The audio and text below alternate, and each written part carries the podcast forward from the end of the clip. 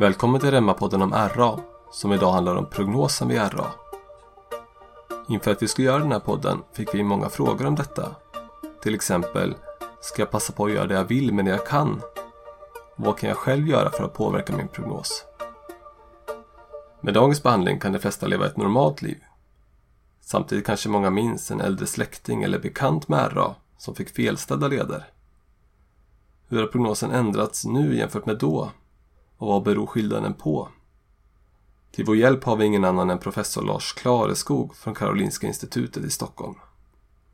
Vi heter Martin Joelsson, Marit Stockfeldt och Jonas Mårtensson. Välkommen till Remmapodden om prognosen vid RA. Så, välkommen till Reumapodden. Idag har jag glädjen att få intervjua Lars Klareskog, senior professor och läkare på Karolinska Universitetssjukhuset med stor erfarenhet av eh, både klinik och eh, forskning. Välkommen! Tack så mycket! Först och främst undrar jag, hur ser prognosen ut för den som eh, insjuknar med RA idag? Ja, i grunden är det rätt bra. Väldigt mycket bättre än vad det har varit för ett antal år sedan. Och när jag säger att det är rätt bra, då är det fortfarande att RA är ofta en livslång sjukdom. Men med de läkemedel som vi har idag så kan vi i de allra flesta fall hjälpa patienten att eh, behandla sig så att man kan leva ett helt normalt eller i alla fall nästan normalt liv. Det är det allra vanligaste. Det är inte säkert att man kommer dit med en gång utan vi vet ännu inte hur vi exakt bäst ska behandla varje enskild patient från början utan det är någonting som man ofta prövar sig fram med. Så att det är inte säkert att man blir bra med en gång. Man kan inte heller lova att eh, man blir helt återställd och kan leva ett normalt liv. Men de allra flesta kan leva ett bra liv. Och du som har lång erfarenhet av reumatologin, vad skiljer sig mest mellan när du började och idag? Och det är en helt enorm skillnad. Jag började alltså i mitten på 80-talet med reumatologin. Och då hade man ju inte kommit i närheten av den behandlingsmöjlighet som vi har idag med olika läkemedel. Utan man hade läkemedel som lindrar värk, alltså sådana som liknar magnecyl och de så kallade SAID-preparat som vi ofta använder idag också. Det var det viktigaste. Och sen så hade man några andra behandlingar som gav mycket biverkningar och ganska dåliga effekter. Så att vi hade många patienter som hade livslånga handikapp som hade de här svåra deformationerna som man ibland ser på händer i läroböcker. Mm. Och eh, många som hamnar i rullstol. Det ser vi väldigt sällan idag. Så det är någon skillnad. Det som har skett och som har gjort denna skillnad det är egentligen två saker. För det första har det naturligtvis kommit en rad nya läkemedel. Vi har nu väldigt många nya läkemedel som inte fanns förut och som har kommit sedan egentligen 2000. Men den andra skillnaden som är lika viktig det är att vi behandlar mycket tidigare och vi behandlar väldigt aktivt med målet att man ska inte ha någon inflammation längre. Och eh, den behandlingstraditionen att vi identifierar den som håller på att få ledgångsreumatism, reumatoid artrit så tidigt och sätter in behandling så snabbt. Det tillsammans med de nya läkemedlen har gjort att prognosen är så mycket bättre nu än vad det var förut. Men som jag sa nyss, vi kan ännu inte förutse vilken patient ska ha vilket av de ganska många läkemedel som vi har. Och det innebär att eh, eh vi kan liksom inte garantera hur det kommer att gå för den enskilda patienten utan vi vet att med en tät och förtroendefull kontakt mellan patient och läkare att patienten har fullständigt klart för sig hur den här sjukdomen utvecklas, vad man kan göra. Själv är med i både att välja läkemedel och att välja livsstil som vi strax kommer till. Ja, då brukar det i nästan alla fall vara så att man kan leva ett bra och nästan lika aktivt liv som de flesta andra. Men som sagt, det kräver mycket åtgärder. Mycket hantering och behandling, kanske att man ändrar livsstil och det är ju inte så att man glömmer bort att man är sjuk, utan måste sköta om sin sjukdom. Så att vi idag behandlar aktivt och tidigt har påverkat prognosen betydligt. För de med mer aggressiv sjukdom så har de nya läkemedlen också förbättrat prognosen. En annan fråga vi har fått varför vissa drabbas hårdare av sin RA än andra. Och om det här går att påverka själv. Vi ställer frågan till Lars Klareskog. Det mest eh, bestämmande för om man ska få en svår sjukdom det är faktiskt hur man själv lever. Och då är rökning, om man är rökare, det är den i särklass eh, viktigaste faktorn eh, som bestämmer att man får dålig, en dålig prognos. Man har naturligtvis en rad blodprover som man kan ta. Det finns en del genetiska analyser man kan göra som kan bestämma prognosen lite grann. Men det i särklass viktigaste är rökningen. Det slår de alla. Allting annat slås bort av rökningen. Så att om det är något enskilt som den enskilde kan göra det är att sluta röka om man nu röker. Nu är de flesta av oss nu för tiden röker tack och lov inte. Men om man gör det så ska man omedelbart sluta. Det andra är att eh, om man är ordentligt överviktig då bör man eh, försöka gå ner i normalvikt för att det påverkar också prognos. Och sen så mår man bättre om man tränar. Det här är ju inte någon precis ovanliga råd. Det ger man till alla andra som är friska också. Men det har särskilt stor betydelse om man har en ledgångsreumatism. Så man har en extra nytta kan man säga av att... Ja, det, visar, det är till och med så att hos rökare som får de nya vad vi kallar biologiska läkemedlen så elimineras egentligen hela den effekten av att man är rökare. Rökning har alltså, förutom den allmänna effekten på hälsan, också effekter på just RA. Effekten av läkemedel minskar och rökning är också förknippat med sämre prognos. För den som får RA och har eller planerar att skaffa barn kommer ofta frågan upp kring risken att ens barn drabbas. Hur stor är den? Ja, och då så är det många som är oroliga för det. Och det, jag har ägnat mycket av min forskningstid åt eh, att förstå hur fungerar arv och miljö. Yeah.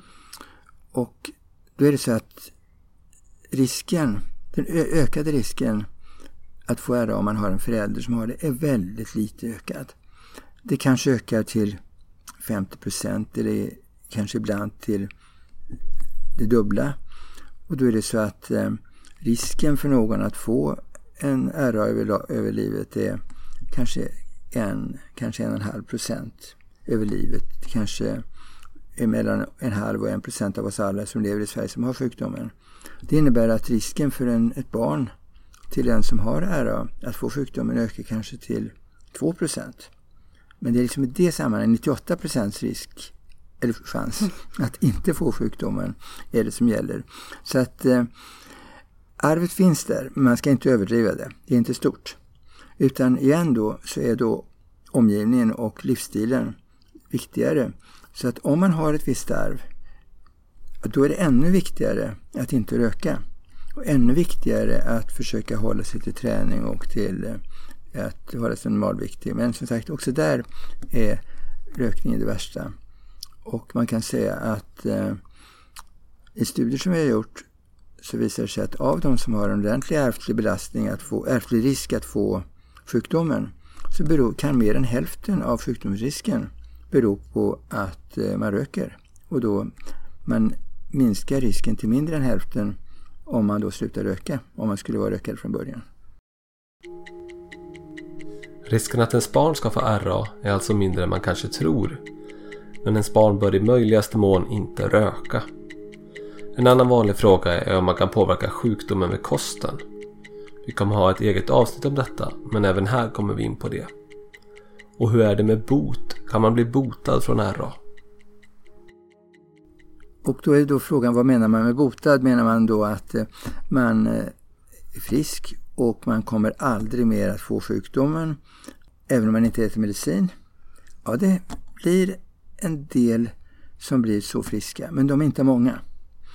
Kanske om man behandlar väldigt effektivt från början, kanske 5-10 procent som kan gå i vad man kallar för en läkemedelsfri eh, remission eller bot de allra flesta har den här benägenheten hela tiden och får man hålla den i schack. Och då kan man säga att om man då behandlar bra och om man följer livsstilsråd och så vidare och eh, eh, byter behandling när man blir lite sämre. Ja, då är det kanske upp till hälften av alla som känner att jag kan leva ett helt normalt liv. Det kan man på ett sätt säga att man är botad. Men då är det ju läkemedel som man måste fortsätta ta och man måste fortsätta följa vissa levnadsregler. Så att om man kan bota, det beror hur man definierar bot. Eh, sen frågar ju alla om andra saker, till exempel kost. Och eh, där har vi och, och många andra gjort studier av kostens betydelse både för risken att få sjukdomen och eh, för hur man kan påverka förloppet. Och den enkla slutsatsen är att eh, det finns inte en enskild kost som då gör att alla blir bättre. Däremot så finns det många beskrivningar på att enskilda patienter blir sämre om man äter någonting särskilt och bättre om man gör någonting annat. Eh, så att vad jag alltid brukar säga om kost det är att eh, om du är intresserad av kostens betydelse känn till att det finns ingen mirakelkur. Men pröva gärna. Eh, om du känner att du blir sämre av att äta glutenhaltig mat eller om du känner att du blir sämre att äta kött eller att eh, någonting annat. Pröva gärna och förändra kosten och se hur det går för just dig. Det är ungefär där vi är just nu. Mm. För den absoluta majoriteten är alltså RA en livslång sjukdom. Men som tur är finns det idag bra behandling. Vissa personer tycker att kosten bidrar till att de mår bättre. Men här finns inte vetenskapligt stöd mer än de vanliga kostråden som riktar sig till hela befolkningen. Trots att man behandlar bort alla tecken till inflammation så lider en del patienter av smärta och svår trötthet. Vad beror det på? Och hur är det med livslängden vid RA? Är den förkortad? Om man tittar i läroböckerna så står det att man har en kortare livstid, levnadstid framför sig om man um, har RA. Och det har uppskattats till kanske 5-7 år någonting i läroböckerna. Men det var innan man hade de läkemedel och den behandlingstradition som vi har idag. Det tar ju en tid för forskningen att se hur slår nya läkemedelstraditioner igenom för just överlevnad av naturliga skäl. Men allt tyder på att eh, överlevnaden också har förbättrats mycket med de nya läkemedlen och nya behandlingstraditionen. Så att eh, just nu tyder det på att det är inte någon stor skillnad för en reumatiker eller någon annan om man har en bra sjukdomskontroll. Sen lider ju många av trötthet och smärta även om man inte har en påtaglig inflammation med sänka och ledsfullnad. Hur kan man tänka kring det? Ja, och då är det ju att eh, ledgångsreumatism brukar ju ofta definieras som att man har ont i lederna, man har en inflammation i lederna, man har, man har en förstörelse i lederna i värsta fall, det som vi nu stoppar med läkemedel som vi har. Men det som patienten oftast har störst bekymmer med, det är ju precis denna trötthet. Och eh, vi kallar den ibland fatig på vårt språk. Vilket innebär att eh, det är inte bara den här tröttheten som man kan sova bort. Mm. Utan man är också nästan lika trött när man vaknar på morgonen. Vi brukar jämföra med att eh, om man har en influensa, då vet alla hur det känns att vara trött. Och det är som att ha en influensa hela tiden. Och eh, den här tröttheten är väldigt besvärande. Den verk som man kan ha kan vara lika besvärande. Och då är det så att den här tröttheten och värken den försvinner ofta med en bra behandling av inflammationen. Eller oftast ska jag säga. Vi kan se fullständigt fantastisk effekt av bra läkemedelsbehandling på den här tröttheten, fatigen. Precis när vi började med de här nya, vad vi kallar biologiska läkemedel, så hade jag ju patienter som sa att eh, jag insåg först när jag fick läkemedlet att det är som om jag hade haft influensa i tio år. Jag kunde inte göra någonting på kvällarna, jag kunde inte gå på bio, jag kunde inte göra någonting. Jag kunde kanske sköta mitt arbete, men det var allt. Och sen plötsligt så kändes det som om den här influensatröttheten hade lyfts av dem och de fick helt annat liv. Och det var fantastiskt att se och det, så ska det vara för de flesta av dagens patienter. Samtidigt så finns här någonting som vi inte förstår fullt ut och där mycket forskning pågår. Och det är att även om man är väldigt framgångsrik med att minska inflammationen och ta bort sänka och, och den typen av blodprovsmätningar på inflammation så kan man ha kvar den här tröttheten och ibland också smärtan. Och där finns faktorer som vi ännu inte känner till fullt ut. Och Det innebär att det finns inte så få patienter som har den här tröttheten och har smärtan trots att man då har en bra antiinflammatorisk behandling. Det kan vara upp till 20 procent av, mm. av patienterna som har besvär av det slaget. Och då får man fortsätta att experimentera sig fram tillsammans med sin läkare. Men där saknar vi ännu bra behandling i en del fall. Så att där pågår en väldigt intensiv forskning kring just det. Men som ni hör så finns det rätt mycket som vi inte har löst även om vi har löst rätt mycket.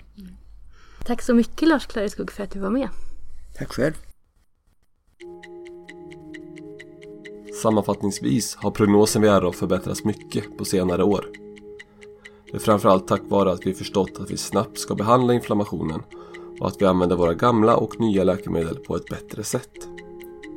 Vi vet idag inte på förhand vem som kommer att svara på vilken behandling utan man får prova sig fram.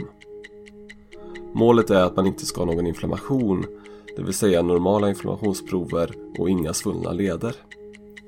Med dagens behandling finns goda förutsättningar för att leva ett gott och aktivt liv men det krävs att man gör vissa val i livet. Det allra viktigaste är att man inte ska röka.